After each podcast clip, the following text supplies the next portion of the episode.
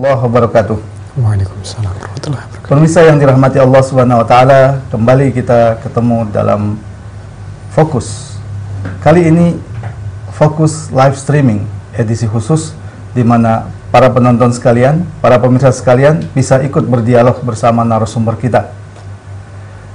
Telah hadir di tengah-tengah kita narasumber-narasumber yang luar biasa dan kita akan membahas satu persoalan yang uh, sedang jadi perbincangan dunia saat sekarang ini, yaitu virus corona.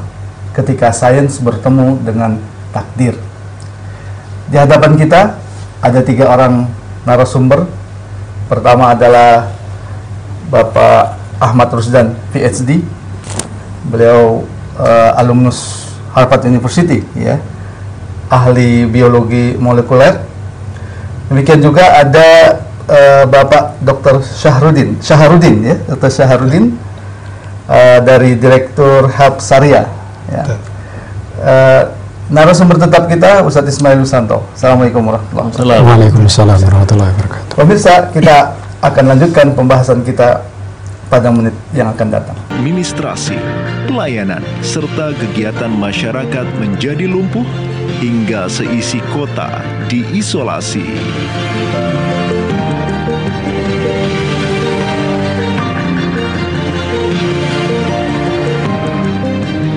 Diketahui bahwa virus corona lah yang menjadi penyebabnya. Virus yang berasal dari tubuh kelelawar yang sudah berubah genetiknya akibat rekombinasi. Hal tersebut diungkapkan jauh-jauh hari oleh para pakar tentang bahaya wabah virus corona. Sangat mungkin terjadi bahwa wabah seperti SARS atau MERS akibat infeksi coronavirus yang bersumber dari kelelawar dan ada kemungkinan besar akan terjadi di China. Peng Zhu, peneliti Wuhan Institute of Virology.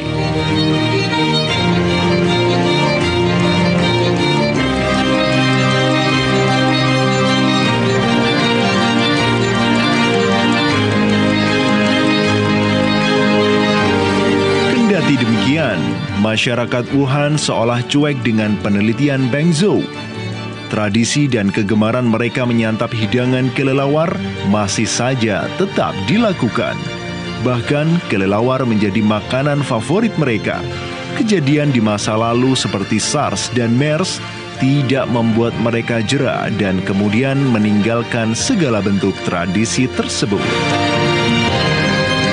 Masyarakat Cina memang terkenal memiliki kebiasaan buruk dalam soal makanan dan perilaku hidup. Mereka tidak mengenal halal atau haram, bahkan bersih dan kotor pun tidak mereka pedulikan. Apa pun yang dimau bisa mereka makan. Bahkan jika perlu, janin manusia yang masih merah pun dijadikan sup untuk mereka santap. Miris memang, namun demikianlah kenyataannya.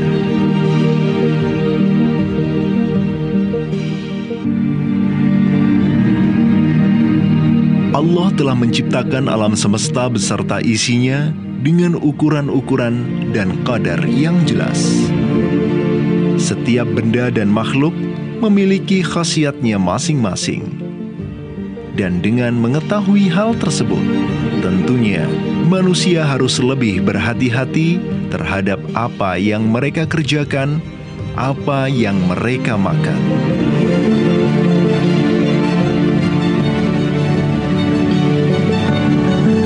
Hasil penelitian telah menunjukkan sebuah kesimpulan bahwa kelelawar memiliki kandungan virus corona yang memiliki potensi menjadi wabah di kemudian hari. Dan akhirnya semuanya pun telah terbukti.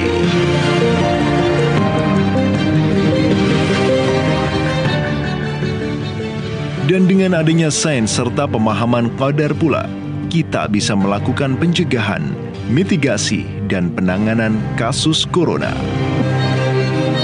Lantas, harus sekeras apalagi peringatan Allah agar kita sebagai manusia mau mengindahkan perintahnya? Inilah ketika sains bertemu takdir.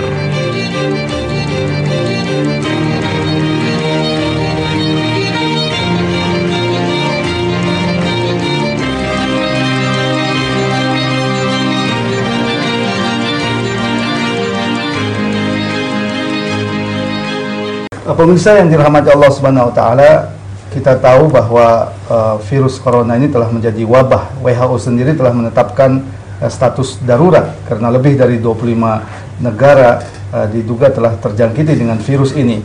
Untuk itu kita akan bertanya secara uh, pertanyaan-pertanyaan mendasar dulu terkait dengan virus ini. Saya yakin uh, banyak pemirsa yang uh, belum mengetahui secara lebih mendalam ya terkait dengan virus ini. Untuk itu kita akan bertanya kepada uh, Pak Rusdan. Ya. Pak Rusdan, apa virus corona ini? Ya, terima kasih uh, Ustaz Farid. Jadi uh, virus corona itu sebetulnya adalah makhluk yang sangat kecil.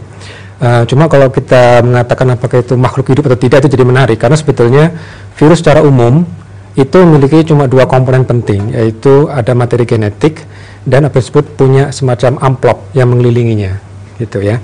Nah virus ini macam-macam.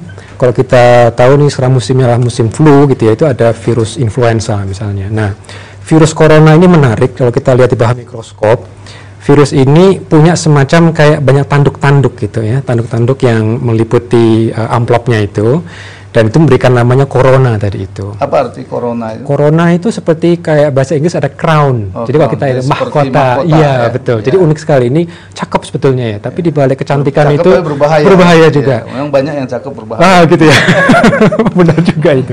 Nah, jadi kalau kita lihat memang eh, ada keluarga corona namanya, ada keluarga corona. eh, sekarang ada tujuh anggota. Jadi sebelumnya ada enam. Dari enam itu sebetulnya yang eh, berbahaya cuma dua yang kita ketahui, yaitu penyebab SARS, eh, Severe Acute Respiratory Syndrome, eh, yang pecah di Guangdong itu tahun 2002. Lalu yang MERS itu di Middle East eh, Respiratory Syndrome. Nah, dua-duanya ini adalah coronavirus yang berbahaya. Tapi coronavirus yang lain itu ya paling mungkin flu biasa saja, Eh, sama seperti kita mungkin agak pusing, batuk biasa gitu. Nah, cuma kesamaannya mereka semua respiratory. Jadi sel targetnya itu adalah eh, sel ini yang ada pernafasan. Nah, ini di sini tadi disebutkan ada kodar Allah tadi ya, ada khasiat Allah dia menarik karena virus itu dia punya khasiat atau spesifikasi yang sangat eh, khusus. Makanya kayak HIV kan virus juga. Tapi HIV nggak doyan dengan sel pernafasan. Dia doyannya sama sel limfosit, itu sel kekebalan tubuh. Dan dampak penyakitnya pun berbeda gitu. Nah, cuma kalau kita bicara yang terbaru ini yang namanya istilahnya eh, SARS-CoV-2 karena apa? Karena dia eh, secara genetik emang mirip ya. Jadi semua eh, tadi yang berpenyakit itu tulang punggungnya adalah seperti yang ditemukan di kelelawar. Cuma dia ada rekombinasi genetik sehingga SARS-CoV-2 itu bisa menimbulkan penyakit yang bahkan eh, lebih efektif nih transmisinya gitu ya. Ya, seberapa jauh bahaya dari uh, virus ini ya sampai-sampai PBB menetapkan uh, status darurat gitu. Ya. Jadi kalau eh, kita lihat em, dari sisi bahayanya itu mungkin efek transmisinya. Jadi kalau kita lihat pertama eh, total yang meninggal di SARS yang pertama 2002 itu kurang dari 1000. Sekarang kita ini sudah 1000 lebih dan tidak ada tanda me- melandai. Jadi kalau eh, SARS itu dia ada peak terus nanti dia turun. Kalau ini kita belum melihat ada istilahnya penurunan. Itu artinya Artinya berarti efektif sekali. Hmm. Dan ini istilahnya orang ke orang. Makanya sekarang kuncinya adalah kalau ada orang yang sudah terkonfirmasi harus betul-betul dibatasi ini apa namanya eh, penyebarannya. Cuma di satu sisi memang virus ini bukan kayak percikan debu ke udara semua orang menghirup tidak. Dia harus ada kontak yang sangat sangat dekat. Makanya kalau misalnya ada yang terkonfirmasi dipastikan jangan sampai menularkan ke yang lain. Kalau MERS itu lebih terbatas lagi, itu dari ontak ke orang gitu kan, tidak seefektif eh, orang ke orang. Jadi kalau misalnya ada satu kasus di Jeddah kemarin itu eh, pemilik eh, ternak onta itu dia berusaha mengobatin ontanya, dibawa ke rumah sakit oleh tiga temannya. Nah, tiga teman ini tidak terkena.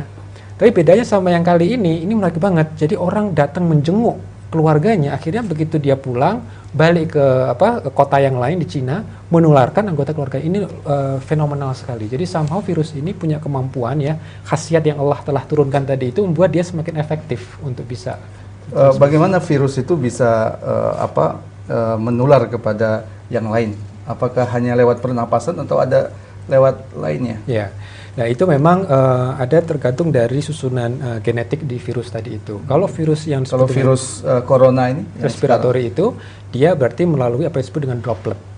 Jadi dia tidak hanya partikel by, by itself sendiri, dia harus dalam bentuk aerosol ya karena dari bersin kan aerosol. Jadi bukan cuma partikulat uh, kering sen sendiri tidak dalam bentuk aerosol. Nanti dia misalnya ada orang pegang ya dengan tangan, lalu tangan kita ini masuk kita berusaha menghirup mengusap muka. Nah, itu dari situ bisa terkena. Makanya dari sisi panduan uh, klinis mungkin nanti dokter uh, Fuad bisa menambahkan itu harus sering cuci tangan gitu. Karena jangan sampai virus itu karena virus itu sebetulnya itu kan dia hanya materi genetik dan envelope aja. Virus itu menyerang bagian tubuh yang mana? Ah oke. Okay.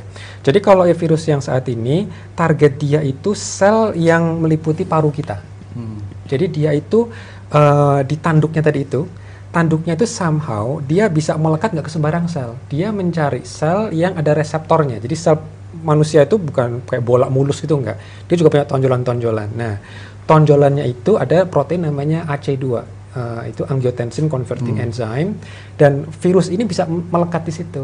Nah, masalahnya ketika dia melekat dan dia bisa masuk, dia akan tereplikasi diper, diperbanyak dan begitu dia keluar dari sel itu akan rusak ininya apa namanya selnya. Nah, tapi di samping itu ketika ada infeksi, daya tahan tubuh kita berusaha melawan kan. Nah, cuma melawannya mungkin agresif sekali sehingga semua aset dikeluarkan Akhirnya apa? Wah itu mungkin dokter uh, uh, Fad juga bisa menjelaskan juga ada namanya badai ini, badai sitokin gitu. Karena saking agresifnya untuk mengeliminasi virus, akhirnya justru paru-paru kita akhirnya banyak sekali cairan dan kalau ada banyak cairan di paru, mau nafas pun susah. Gitu. Ya, hmm. baik saya berpindah, makasih uh, Prof ya.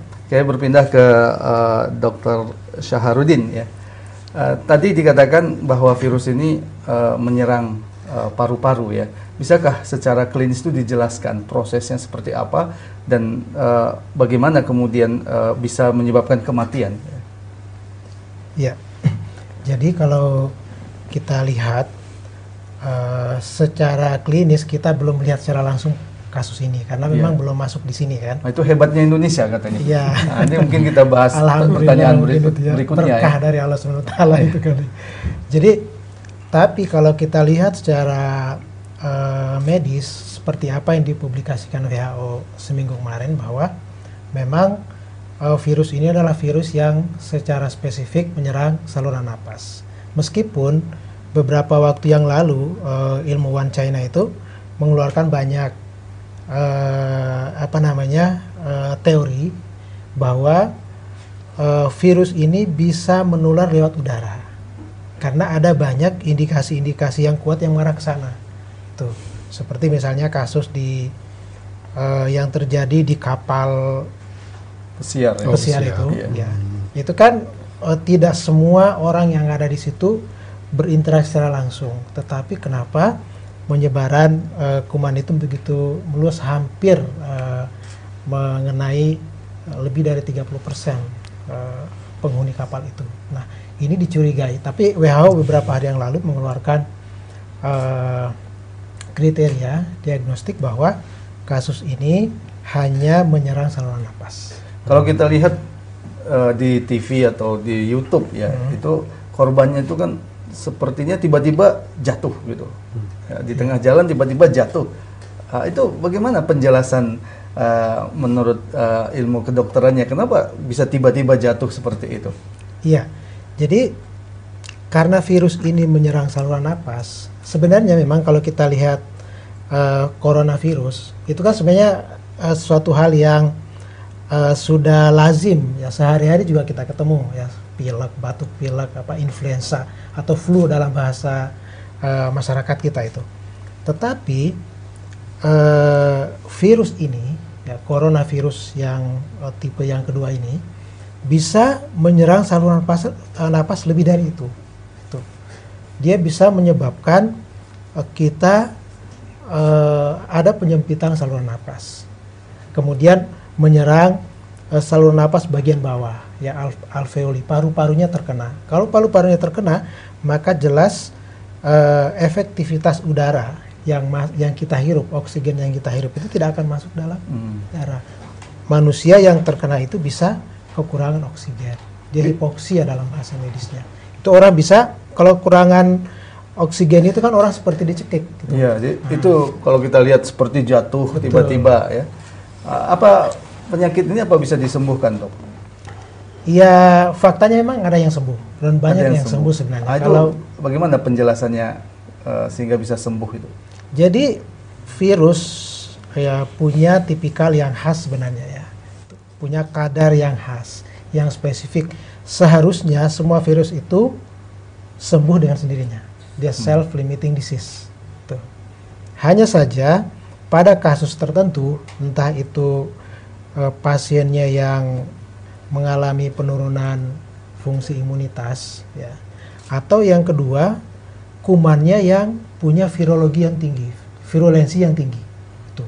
daya rusaknya besar. Nah ini yang menyebabkan eh, interaksi dua hal ini, serangan musuh yang kuat, kemudian yang diserang ini lemah, nah ini yang menyebabkan eh, banyak kasus yang kemudian berakhir dengan kematian. Ya, terima kasih dok. Saya kembali lagi ke eh, eh, eh, Pak Rusdan ya. Eh, benarkah eh, virus ini berasal dari kelelawar? Hmm. Bisa dijelaskan? Karena ada juga yang mengatakan eh, di Manado ya itu orang sudah biasa itu makan kelelawar. ya. Tapi kenapa tidak ada eh, wabah penyakit seperti ini? Ya, itu bagaimana bisa menjelaskannya? Ya, ya ini menarik. Jadi eh, tadi di awal segmen kan disebutkan nama Peng Zhao ya, Peng Zhao. Jadi waktu berita ini merebak di awal-awal itu saya juga berusaha searching sebetulnya ada apa sih kok ada pneumonia asing gitu. Tapi setelah saya baca itu ada tulisan eh, Pak Peng Zhao ini dia dari Wuhan Institute of Virology. Dia menulis resensi terkait dengan bad coronavirus gitu. Karena apa? Karena dia sangat khawatir dari sekian banyak biodiversitas di Cina sendiri dari bad coronavirus ini itu mungkin akan wabah akan muncul gitu. Dan kita bisa belajar dari SARS dan dari MERS. Jadi kalau kita lihat eh, bagaimana kok bisa mengatakan dari kelelawar itu awal ceritanya adalah ketika ada pasien eh, kohort yang pertama datang, yang 40 pasien pertama datang, itu kan dicari tahu nih orang kenapa tadinya sehat kok jadi sakit. Terus dari situ diambil cairan tubuhnya, ya, lalu di sequence. Jadi Cina itu punya teknologi sequencing yang luar biasa untuk biologi molekuler. Lalu mereka ketemu dan ternyata itu coronavirus yang kalau disusunnya, jadi kalau misalnya kita lihat genetik ya, disusun genetik kayak saya dengan antum gitu misalnya kan, kalau kita sandingkan genetik, oh kita sama-sama manusia nih gitu. Nah ini ketika mereka cocokkan ke database, ternyata ini mirip sekali dengan bad coronavirus. Jadi eh, virus yang ditemukan banyak di kelelawar. Nah cuma masalahnya kelelawar di Cina dan kelelawar di Tomohon itu belum tentu sama. Sama. Dan karena kita juga tahu dipisahkan oleh geografis kan. Dan kalau kita baca studi itu ada studi di Cambridge itu mereka survei itu kelelawar dari segala macam dunia. Itu amazing sekali. Dan sekarang ini kelelawar sebetulnya hampir punah, bukan hampir ya, hampir 20% tuh di, dikhawatirkan punah dia itu. Makanya saya juga tulis don't give bad bad name. Kasihan mereka udah hampir punah juga. nah, tapi yang juga menarik adalah kelelawar ini kan sebetulnya binatang liar. Dan binatang itu kan antar binatang mereka juga saling berinteraksi. Jadi yang terjadi dengan SARS yang pertama itu sama ada interaksi antara kelelawar dengan jenis musang. Musang dia juga punya semacam coronavirus juga. Dan ketika mereka saling ketemu, mereka tukar-tukaran lah gitu istilahnya. Ya kan sama coronavirus mereka juga silaturahmi gitu kan. Nah, mereka tukar-tukaran. Nah, terus juga gitu, kelelawar dengan onta. Somehow mereka juga bisa saling berinteraksi dan tukar-tukaran tadi itu. Paling jauh itu antara onta Nah, kan di timur tengah. Bisa kelelawar jadi. Nah itu kan kelawar nggak cuma ada di Cina kan. Oh. Nah mungkin kelawar yang ada di daerah re- regio tertentu Tertentu, gitu. ya. Ah, nah kita nggak tahu bagaimana yang di Tomohon ini juga Hmm. menarik. Saya juga belum lihat nih studinya yang mensurvei coronavirus yang di Tomohon seperti apa variasinya gitu. Nah Tapi jadi- artinya tidak semua jenis kelelawar itu bisa berbahaya seperti betul eh, Cina. betul betul nah cuma Cina emang amazing karena eh, Peng Zhao cerita dalam satu gua itu bisa banyak sekali variasinya Hmm. jadi ini tinggal istilahnya eh, nunggu waktu aja semakin banyak semakin sering kita interaksi jadi kalau- kalau misalnya kita diem ini eh, kelompok kelompok kita diamkan aja jangan dideketin jangan di apa gitu mungkin oke nah tapi yang menarik juga sebetulnya di kasus Wuhan kemarin itu musimnya musim dingin jadi pertama kelawarnya ngumpet di gua semua yang kedua, pasar itu nggak jualan kelawar. Lalu pertanyaannya dari mana kan gitu kan? Jadi sekarang lagi dicari inang yang misterius ini. Berarti ada semacam binatang yang diperjualbelikan di sana yang virus coronanya sudah pernah rekombinasi dengan virus corona dari kelawar. Nah ini yang jadi menarik. Tapi apakah serang ini urgen? Serang urgennya adalah menghentikan transmisi manusia ke manusia. Jadi kalau misalnya kayak MERS itu kan dia onta ke manusia. Kalau flu burung itu burung unggas ke manusia. Belum sampai manusia ke manusia. Tapi kalau ini ini amazingnya itu sudah sampai manusia ke manusia. Indonesia, tadi ada pertanyaan menarik. Indonesia kenapa sampai sekarang uh, belum ada yang uh, disebut secara positif terkena virus ini? Ya. Ya ini tergantung bagaimana kita mengidentifikasi Indonesia ya. Hmm. Kalau seandainya Orde Lama itu menang, itu Malaysia, Singapura kan Indonesia juga sebetulnya. Kalau kita bilangnya Malaysia gitu. Jadi Malaysia kan dua, dua puluh lebih kan gitu. Tapi ya oke okay lah karena uh, Bung Karno tidak mendapatkan ininya gitu ya. Jadi ya Malaysia terpisah gitu. Tapi sebetulnya ini juga jadi menarik. Uh, bagi peneliti seperti kami itu semua data itu penting. Mau itu data positif, mau data itu ne negatif. Memang kalau kita lihat dari segala parameter itu tidak ada alasan Indonesia nol. Apalagi hmm. ada studi dari Harvard itu yang menghitung yeah. uh, dari sisi volume penerbangan, memang volume penerbangan kita tidak setinggi Thailand.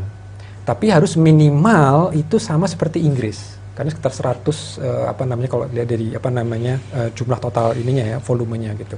Tapi kenapa di Inggris bisa ketemu, di kita enggak gitu. Nah, ini jadi menarik, makanya saya sempat menulis uh, coba segera dipublikasikan saja. Jadi saya sangat sarankan ke teman-teman litbangkes yang mungkin juga sekarang lagi menulis sedetail mungkin. Jadi sekarang kita sudah banyak kriteria ya dari radiologis, dari kisah perjalanan, seksnya, gendernya, ya pria dan wanita, usianya juga. Karena kita juga tahu anak-anak itu kebal. Jadi ada uh, laporan anak itu umur 10 tahun dia memang positif tapi nggak ada gejala gitu. Uh, jadi ada juga bayi kena tapi belum kelihatan gejala. Jadi kalau artinya saran, kekebalan tubuh itu sangat berpengaruh ya. Bisa. Atau mungkin jangan terlalu uh, istilahnya gimana? Jangan terlalu baperan juga gitu. Kadang-kadang hmm. yang buat masalah kan Jadi mungkin benar kata oh. Menteri Kesehatan doa itu penting katanya. kita tidak yang bisa menjadi apa pun gitu. ya, cuma maksudnya kita terus waspada. Makanya memang penting untuk di betul-betul dideskripsikan sedetail mungkin. Bagaimana itu handlingnya gitu. Karena memang di Indonesia saya, kita juga tahu tantangan uh, publikasi ilmiah itu juga menjadi uh, apa namanya uh, tantangan kita bersama. Tapi nanti kalau bisa kita bisa publikasi secara jelas, ini jadi hal yang menarik juga saya pikir. Ya, baik. Uh, pemirsa yang dirahmati Allah Subhanahu wa taala, demikian tadi kita sudah uh, membahas hal-hal mendasar ya terkait dengan virus corona dan uh, penyakit. Apa nama penyakit uh, baru yang disebut oleh WHO? Uh, nama barunya apa? Sekarang COVID 19 ya. COVID-19. Ya, nama yang menarik ya, sehingga sulit dihafal kecuali oleh para ahli. Baik, uh, di tengah-tengah kita juga uh, bersama kita uh, telah hadir uh, pemirsa dari berbagai uh, kawasan ya, mungkin uh, dunia internasional ini ya. Uh, kalau kita lihat ada uh, sebagian besar uh, menyapa kita ya. Uh, walaupun di sini tidak uh, ketahuan ya ini dari mana ini cukup cukup banyak ini uh, hadir menyimak. Uh, kemudian Uh, ini ada pertanyaan-pertanyaan walaupun nanti uh, kesempat pada kesempatan kita jawab secara khusus. Apakah ada campur tangan konspirasi as Amerika dalam munculnya virus ini? Uh, karena Amerika tidak terima hegemoni ekonominya diusik oleh Cina. Kemudian juga ada pertanyaan, apakah ada di zaman apakah virus seperti ini ada di zaman khilafah yang lalu? Bagaimana sikap uh, pada zaman khilafah tersebut? Uh, ada juga pertanyaan bumi ini harus diatur dengan syariat Islam melalui institusi negara khilafah. Ya. Kemudian juga uh, pertanyaan uh, dari banyak daerah juga ini ya, seperti Iman Imam Santoso ya. Maksudnya sains bertemu takdir itu bagaimana? Ah, ini perlu dijelaskan dulu nih. ini kita punya judul tapi belum dijelaskan. Sil oh, iya, silakan. Iya, iya. Ini kita terinspirasi dengan tulisan uh, uh, Dr. Uh, Ahmad Rusdan ya, ketika sains bertemu takdir. Bisa secara singkat dijelaskan karena uh, banyak pertanyaan yang perlu kita jawab. Iya, yeah, oke. Okay. Uh, itu di Al Furqan uh, ayat 3. Uh, di ujungnya itu wa khalaqa kullasyai'in faqaddarahu taqdiran. Jadi Allah itu telah ciptakan semua ini dengan uh, kadar ya, dengan kadar yang serapi-rapi, ketetapan yang serapi-rapinya. Jadi waktu saya lihat kasus uh, Wuhan itu, saya langsung ingat virus itu luar biasa spesifik. Dia itu nggak bisa asal aja. Jadi namanya virus HIV itu ya nanti penyakitnya jadinya AIDS. Coronavirus SARS uh, apa namanya SARS-CoV-2 itu jadinya COVID-19 gitu. Dia tidak pernah salah kamar. Gitu tidak ya? pernah salah kamar hmm. gitu. Jadi ada ketetapan yang sangat tinggi. Makanya saya juga lihat bagaimana uh, umat Islam dulu itu nggak cuma pasrah dengan takdir. Nah ini ada masalah dengan umat kita memahami takdir itu keliru. Makanya saya ingin melihat dari angle yang mudah-mudahan bisa mencerahkan bahwa apa yang kita observasi ini ada aturan. Nah, siapa yang bisa mengenali aturan itu terlepas agamanya itu nanti dia juga bisa mitigasi risikonya. Nah, kita umat Islam yang yakin adanya takdir, kita malah kadang-kadang terlalu cepat pasrah gitu kan. Diamin aja gitu. Makanya saya juga ada satu tulisan yang sequel yang berikutnya ketika uh, terjadi wabah di zaman uh, di Andalusia itu di Khilafah Abbasiyah itu uh, Ibnu Khatib itu melakukan observasi karena wabah itu nggak peduli agama kan. Nah, cuma menariknya ketika Granada terkena, Italia juga terkena kan. Nah, Ibn Khatib di Granada melihat, oh ini transmisinya ini melalui orang berdekatan, bahkan bajunya, iringnya, anting-antingnya itu bisa menjadi menular. Makanya betul-betul dikendalikan. Sehingga Istana Alhambra itu walaupun wabah selesai, dia masih jalan terus. Di Italia ketika mereka merenovasi katedral di Siena, sampai sekarang nggak pernah selesai ketika sama-sama terkena wabah. Ini artinya penting memahami kadar. Jadi sains itu sebetulnya memahami kita, membuat melatih kita untuk mengobservasi bagaimana sih Allah itu menciptakan dan bagaimana penyakit itu mekanismenya seperti apa gitu. Kalau itu kita tahu, kita nggak boleh pasrah karena nanti yang di, dipertanyakan Allah Taala di uh, kiamat nanti bukan pertanyaannya kenapa kamu mati karena SARS, kenapa kamu mati karena ini, itu nggak akan ditanya.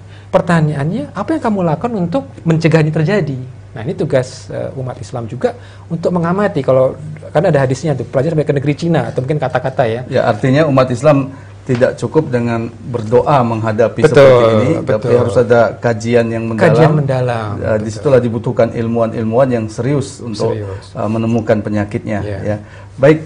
Uh, mohon maaf ini Ustadz Ismail lama disapa.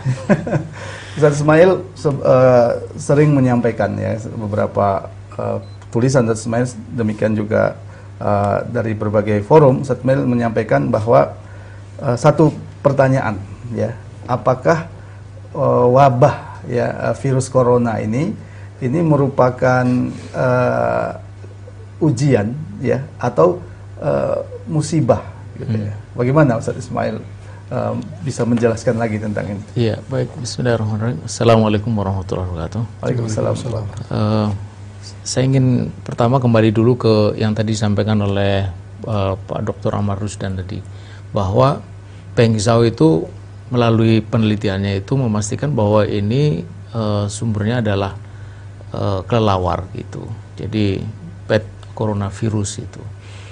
Uh, dan uh, dan itu bisa terjadi oleh karena interaksi yang sangat erat orang-orang uh, Cina itu uh, dengan binatang ini, dengan kelelawar ini. Uh, seberapa dekatnya, ya saya kira tampak dari bagaimana mereka menjadikan kelelawar ini ini sebagai bahan konsumsi mereka gitu. Nah, ketika menjadi bahan bahan konsumsi itu kan pasti ada proses-proses yang disebut tadi handling sampai akhirnya menjadi menjadi masakan ya. Katanya yang paling favorit itu sup kelelawar gitu. Seperti apa kita nggak bisa membayangkan gitu. Dan uh, Peng Zhao tadi mengatakan bahwa yang paling digemari itu justru adalah ketika ke kelelawar ini dimasak uh, dalam kondisi sesegar mungkin. Artinya mungkin ya hidup-hidup gitu. Hmm.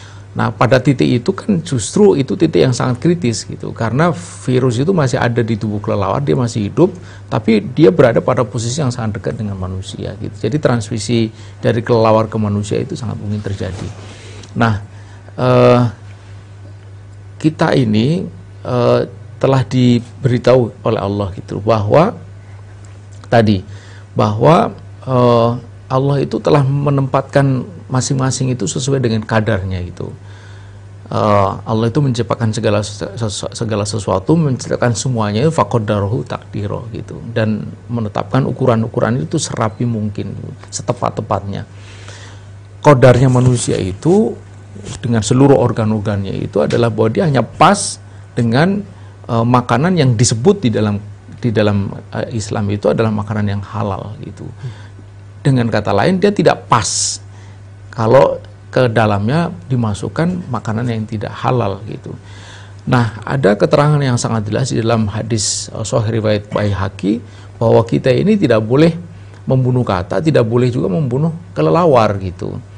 Uh, ya uh, tidak boleh membunuh memakan kan pasti membunuh gitu tidak mungkin uh, makan tidak membunuh itu artinya memang ini ada ada pelanggaran atau ada ada pelanggaran terhadap hudud Allah atau pelanggaran terhadap kodar gitu. Jadi ibarat ibarat uh, pemainan sepak bola ini sudah offset gitu sudah sudah sudah di luar garis gitu makanya kemudian kalau kita menggunakan perspektif ini jikalau ketaatan itu ketaatan itu artinya menempatkan sesuai dengan kadarnya itu itu menghasilkan atau menimbulkan kebaikan kemaslahatan maka pelanggaran itu pasti akan sebaliknya menimbulkan kemudaratan gitu. Nah, di dalam perspektif ini kita boleh sebut bahwa munculnya atau berkembangnya virus corona ini adalah bentuk kemudaratan gitu. Atau kalau dalam bahasa Al-Qur'an disebut fasad gitu. Uh, istilah fasad ini disebut di dalam uh, surat uh, apa Ar-Rum ayat 41. Di situ Allah katakan tuharul fasadu fil barri wal bahr bima kasabat bima kasabat aidin nas. Telah nyata kerusakan di daratan dan di lautan oleh karena tangan tangan manusia bima kasabat aidin nas. Menarik penjelasan uh, Syekh Muhammad Ali Asobuni di dalam kitab Sawatu Tafsir bima kasabat aidin nas itu itu dikatakan bi sababi ma'asinas wa dunubim karena kemaksiatan dan dosa-dosa manusia. Maksiat itu apa? Maksiat itu ya tadi melanggar hudud Allah, melanggar kodar gitu.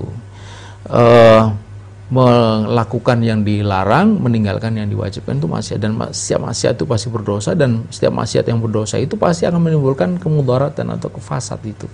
Jadi perkembangan virus corona ini adalah fasad, ini adalah kemudaratan yang timbul karena melanggar hudud Allah itu. Nah, cuma Tapi ini kan bukan kan berarti hmm? uh, kemudian kita berhenti di sana. Kenapa ya. juga yang mencibir umat Islam itu hanya bisa menyebut itu dosa mungkar, tapi hmm. tidak melakukan apa-apa. Bagaimana ya. merespon hal ini? Uh, saya kira bukan tidak melakukan apa-apa. Yang tadi dijelaskan kan menunjukkan bahwa kita juga punya pengetahuan gitu. Nah, uh, melakukan apa-apa itu kan ada dua, ada yang preventif. Preventif itu artinya bahwa ya kalau begitu jangan melanggar ini gitu. Jadi yang makanan yang sudah disebut haram itu ya jangan di jangan dikonsumsi.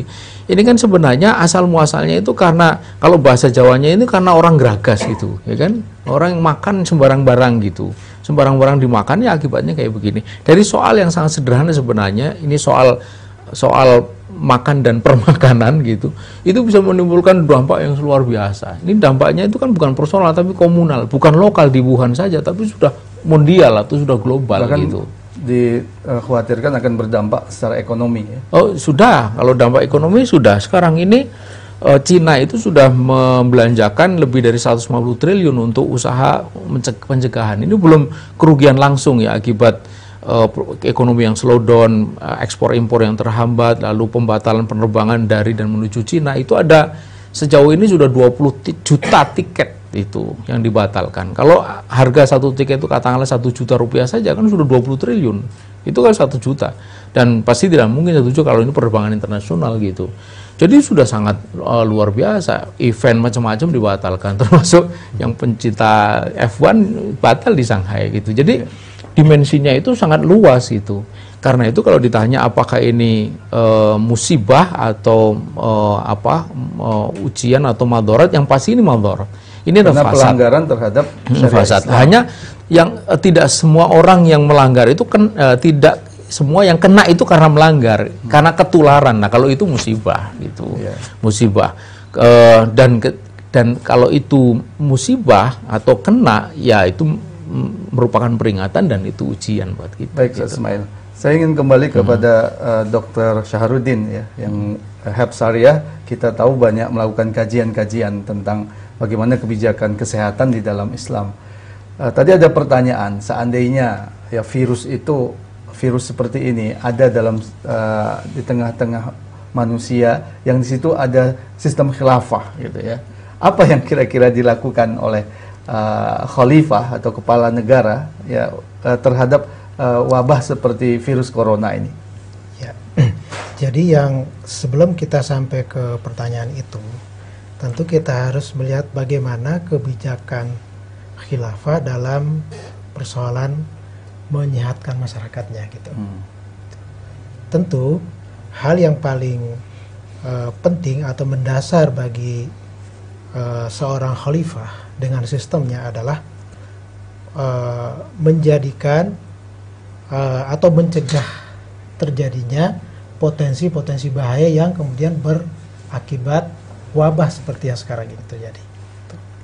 Kalau kita melihat, tentu wabah itu bisa terjadi kapan saja, tapi potensial itu kan bisa dicegah. Nah, kalau kita misalnya melihat secara sains sudah membuktikan bahwa ada potensi wabah yang terjadi, maka tentu yang dilakukan adalah pencegahan. Nah, pencegahan adalah menjauhkan sejauh mungkin masyarakat itu dengan potensi-potensi bahaya itu. Ya, misalnya uh, kalau potensi bahayanya dari makanan yang tidak atau berpotensi merusak seperti ini berbahaya, maka itu yang dicegah. Rakyat itu tentu dilarang untuk mengkonsumsi atau bahkan dekat dengan uh, potensi bahaya tadi. Itu yang pertama. Kemudian yang kedua, bagaimana ter kalau wabah itu sudah terjadi? Nah itu, kalau sudah terjadi maka yang pertama dilakukan adalah mengisolasi tentu, mengisolasi masyarakat agar bagaimana orang yang ada di dalam wilayah wabah itu tidak berpotensi menularkan uh, apa namanya penyakit ini keluar.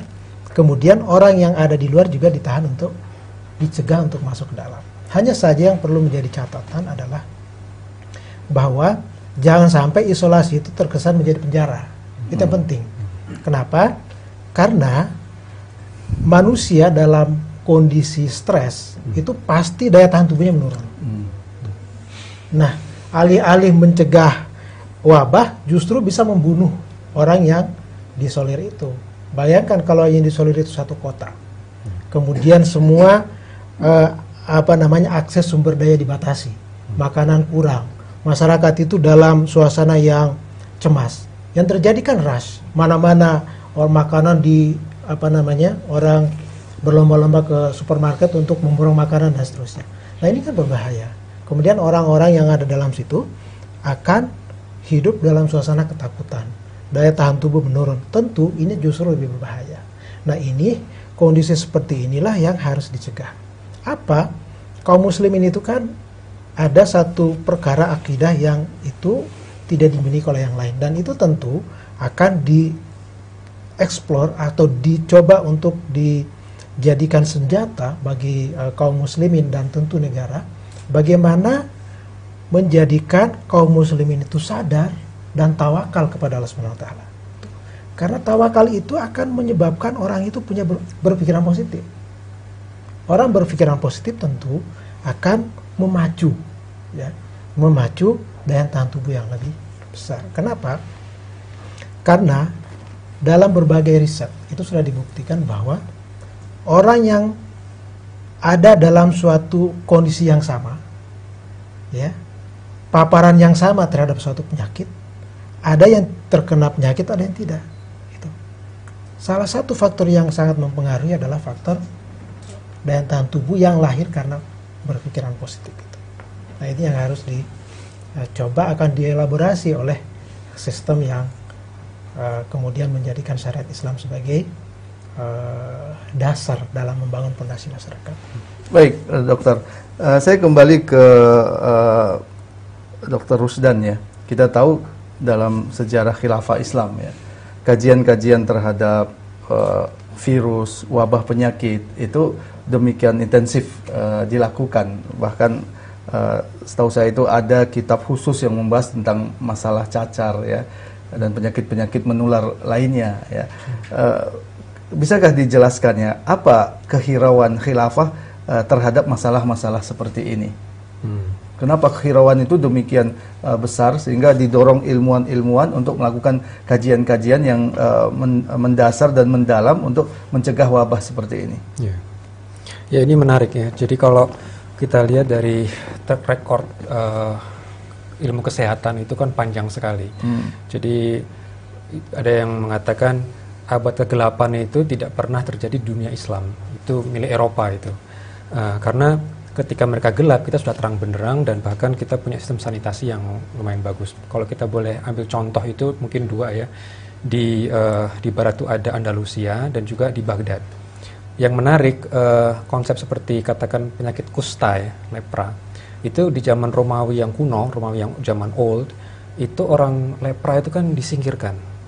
Mereka itu cuma di betul-betul dijauhkan dan tidak diurus tapi di konsep Bimaristan ya di uh, di zaman puncak kemasan uh, abad Khilafah Abbasiyah itu mereka betul-betul diurus di tempat yang sangat menarik. Ini menarik juga nih dari sisi jangan sampai mereka kayak merasa dikucilkan juga hmm. gitu ya, tapi betul-betul diurus gitu. Sehingga apa? Sehingga mereka itu betul-betul akhirnya bisa hidup dengan dengan layak gitu kan. Bahkan kalau kita lihat di Nabi sendiri, beliau juga pernah uh, hidup bersama mereka gitu. Nah, tradisi keilmuan yang menarik, eh, ilmu kesehatan yang secara observasi itu banyak dilakukan juga di Andalusia. Di Andalusia itu ada tokoh namanya uh, Ibnu Zuhri ya, Aben Zohar itu. Dia juga dia lahir sekitar uh, eh, 200 tahun sebelum wabah Black uh, Plague itu hadir di Eropa. Jadi dia sudah mengajari uh, itu wabah apa bisa dijelaskan? Uh, jadi di tahun abad ke-14 itu ada wabah Black Plague itu uh, yang menyerang Eropa termasuk Andalusia nanti. Nah, Ibnu Zuhar itu sebetulnya dia 200 tahun sebelum itu. Hmm. Tapi dia sudah meletakkan dasar-dasar observasi. Contoh yang menarik adalah penyakit skabies. Penyakit skabies itu bagaimana bisa terjadi? Nah, lalu dia mengatakan dia perhatikan ternyata karena kutu. Jadi bukan setiap penyakit itu urusannya di apa bekam misalnya, enggak. Dia betul-betul cari tahu kenapa kok bisa ini terjadi gitu. Begitu dia lihat oh masalah kutu, berarti masalah higienitas. Jadi dipastikan yang namanya tempat tidur itu jangan sampai lembab sehingga binatang juga bisa masuk. Jadi betul-betul dicari. Nah setelah itu dia menunjukkan kreat apa eh, standar higienitas saat itu itu luar biasa bagus gitu kan. Nah Nah, yang menarik 200 tahun kemudian itu ada wabah plague itu. Hmm. Dan itu uh, yang kita lihat tulisannya Ibnu Zuh, uh, Ibnu Khatib ya, Ibnu Khatib dan dia seperti tadi juga melakukan observasi bahwa ternyata emang interaksi dengan penderita itu bisa melalui media yang dia dia kenakan. Jadi artinya memang dari sisi kalau kita lihat uh, kalau kita bicara masalah kesehatan untuk bisa melakukan ini kan perlu resources perlu infrastruktur. Kayak lihat di Cina sekarang ini. Mereka bisa melakukan itu infrastruktur bukan masalah saya pribadi, peneliti pribadi, itu perlu negara. Sama seperti zaman khilafah dulu, kalau kita bicara abad keemasan Islam, peneliti itu orangnya itu sangat rewel gitu kan. Dia kan maunya fokus gitu. Gimana dia bisa fokus kalau dia masih harus mikirin ini biaya pendidikan mahal, biaya ini mahal, itu mahal. Dia akan susah untuk bisa bekerja dengan serius. Bahkan saking seriusnya peneliti muslim dulu, dia bahkan berusaha menghitung diameter bumi. Kalau dipikir untuk apa gunanya mikir diameter bumi kan? Kan cukup aja yang penting sholat tepat waktu itu hmm. cukup. Hmm. Tapi ini mereka sangat serius bikin observatori segala macam. Jadi memang di sini memang sains juga tidak hidup dalam ruang hampa. Perlu dukungan yang kuat. Nah, salah satu mungkin pembiayaan yang menarik di sistem khilafah itu adalah apa? Sistem wakaf. Karena orang nggak mikir hitung-hitungan lagi kan. Yang penting ini luar biasa jariahnya. Tapi kalau dalam sistem kapitalisme kan hitung-hitungan. Saya investasi sekian, makanya ini menarik ini. Tidak semua sebetulnya obat atau vaksin ini juga menarik. Vaksin SARS sama kan belum ada. Hmm. Padahal itu udah kejadian tahun 2002 kan. Tapi kenapa sampai sekarang nggak ada vaksinnya? Kalau dugaan saya, ya kan udah lalu. Sekarang kalau saya mau investasi untuk vaksin, siapa yang mau beli? Kan udah terisolir dia ya kan? Nah, jadi artinya emang sistem kapitalisme itu hitung-hitungan bisnisnya itu terlalu dominan. Karena apa? Karena barang mereka itu, harta mereka itu harta pribadi gitu. Tapi kalau dalam sistem Islam dulu itu 30% biaya kesehatan dari mana? Wakaf.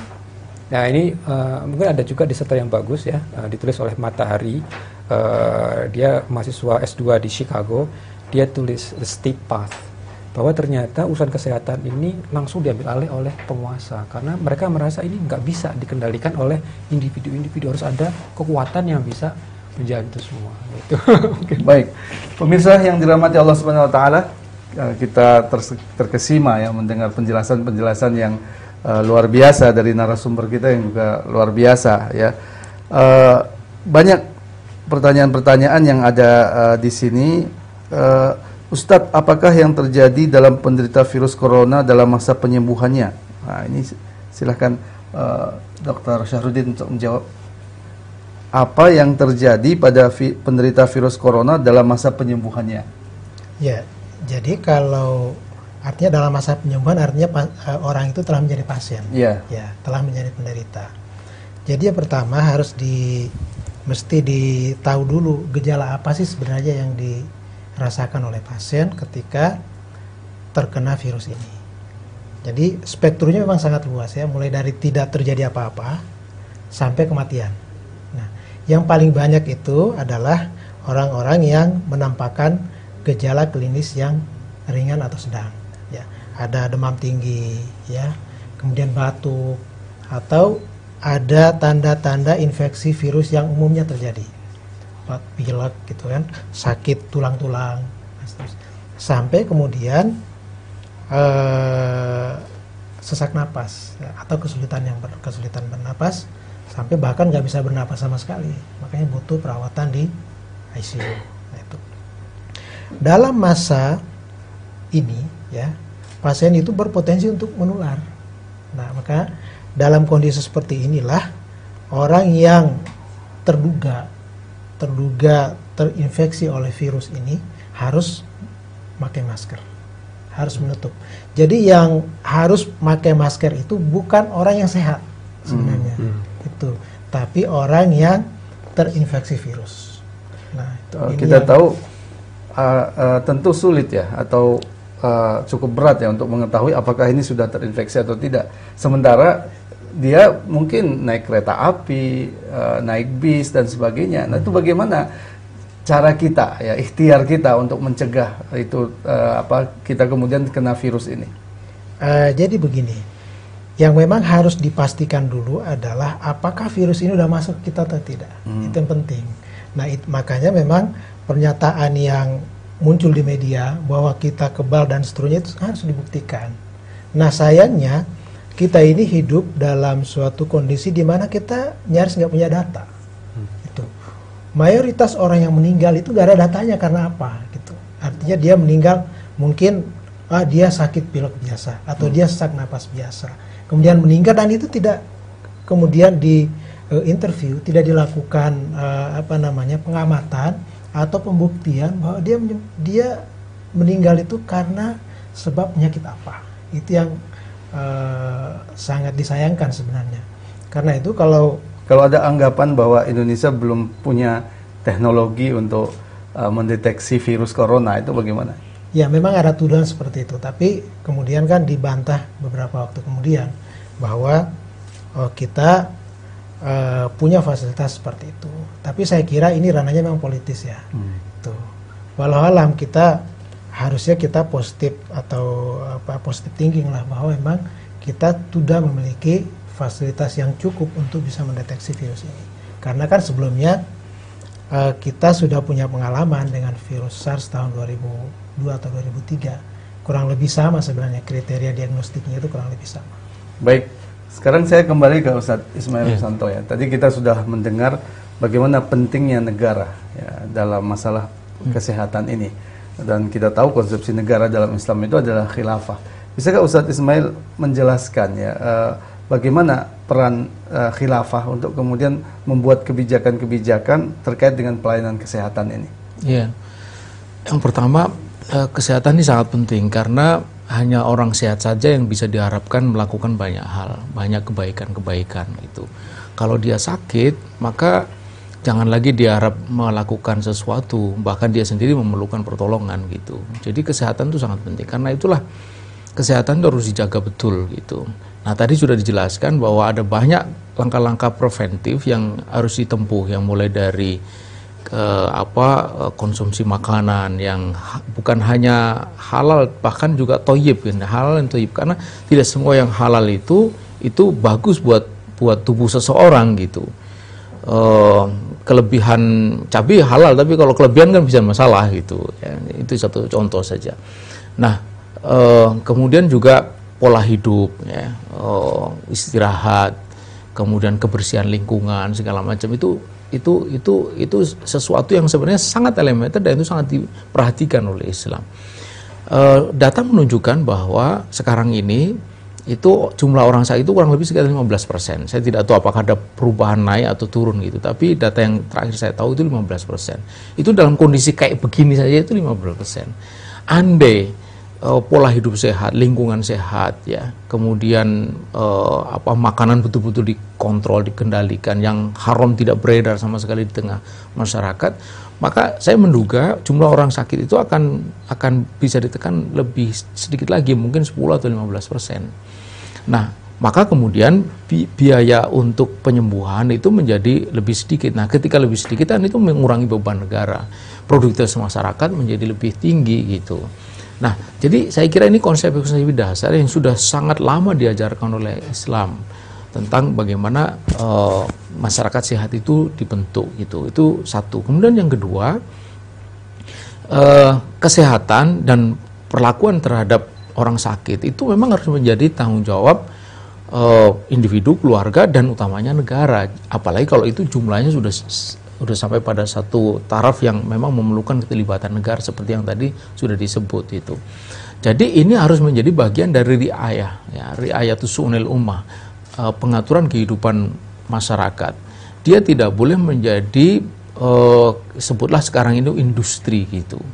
Nah, ketika dia menjadi industri, maka hitungannya sudah cost and benefit. Ketika cost and benefit, maka pasti uh, orientasi bisnis itu akan menonjol. Ketika orientasi bisnis menonjol, maka orang sakit itu menjadi menjadi objek gitu. Uh, obat menjadi komoditas itu. Nah, ini akan menyulitkan masyarakat. Nah ini yang terjadi saya kira di era kapitalis. Sesuatu yang saya kira dari penjelasan tadi itu sejarah itu menunjukkan bahwa dulu itu karena negara turun maka bisa menepis ya eh, bidang kesehatan itu menjadi industri gitu. Eh, sama juga dengan pendidikan segala macam gitu. Nah jadi eh, ke sanalah sebenarnya kita memerlukan langkah-langkah yang yang yang yang yang apa namanya yang uh, memastikan bahwa kesehatan itu betul-betul diperhatikan dan akan melahirkan sebuah masyarakat yang sehat. Gitu. Ya, terima kasih. Hmm, ya. Uh, pemirsa yang dirahmati Allah Subhanahu Wa Taala, demikian tadi perbincangan yang uh, menarik ya dengan narasumber yang telah membahas berbagai macam uh, dengan berbagai macam penjelasan yang menarik ya. Saya yakin banyak ilmu yang uh, kita dapat dari penjelasan-penjelasan itu. Uh, salah satu yang terpenting itu adalah setiap pelanggaran terhadap syariat Islam itu akan menimbulkan uh, kemudorotan ya ketika makanan yang sudah diharamkan oleh Allah itu kemudian uh, dimakan itu pasti akan memberikan kemudorotan pada manusia. Namun tentu tidak berhenti sampai di sana. Negara dalam Islam bertanggung jawab ya untuk membangun kesehatan masyarakat. Buk, uh, baik dari segi preventifnya, pencegahannya dengan lingkungan yang sehat, makanan yang sehat, Demikian juga uh, pengobatannya. Kita tahu bagaimana konsepsi rumah sakit uh, Bimaristan ya, yang tadi dijelaskan oleh Dr. Rusdan ya. Bahkan dalam uh, konsep uh, Bimaristan ini uh, seseorang itu uh, uh, untuk kemudian mengukur apakah dia sudah sehat atau belum, dia disuruh untuk makan satu ekor ayam. Ya. Hmm. Jadi kalau satu ekor ayam itu uh, habis dia makan berarti dia, dia sudah sehat dan dia boleh pulang. Uh, dia boleh uh, boleh lama di rumah sakit ya, dia tidak memikirkan uh, berapa ongkos biayanya. Bahkan ketika dia keluar dari rumah sakit dalam konsep bimaristan itu uh, dia dikasih satu set pakaian dan dikasih tunjangan uh, tunjangan hidup karena mungkin selama di rumah sakit dia tidak bisa bekerja. Inilah luar biasanya ya uh, kesehatan di dalam uh, sistem khilafah Islam. Ada juga standarisasi uh, tabib atau dokter yang luar biasa ya. Di, di masa khilafah itu pernah ada malpraktek setahu saya uh, uh, di masa Bimaristan itu. Maka khalifah memerintahkan uh, tabib khalifah untuk kemudian uh, mengecek ya mal malpraktek ini penyebabnya apa ya dan uh, kemudian dilakukan seleksi ketat kembali terhadap tabib-tabib yang ada di masa khilafah pada waktu itu. Ini gambaran bagaimana Islam sebagai sistem yang uh, kafah, sistem yang sumuliah mengatur segala aspek kehidupan. Karena itu tidak ada alasannya kita untuk menolak syariat Islam diterapkan dalam kehidupan kita sehari-hari. Karena penerapan syariat Islam kalau itu kita lakukan akan memberikan kebaikan pada kita. Islam adalah agama yang rahmatan lil alamin. Semoga bermanfaat. Terima kasih kepada narasumber kita yang ada yang hadir pada hari ini. Assalamualaikum warahmatullahi wabarakatuh. Waalaikumsalam warahmatullahi wabarakatuh.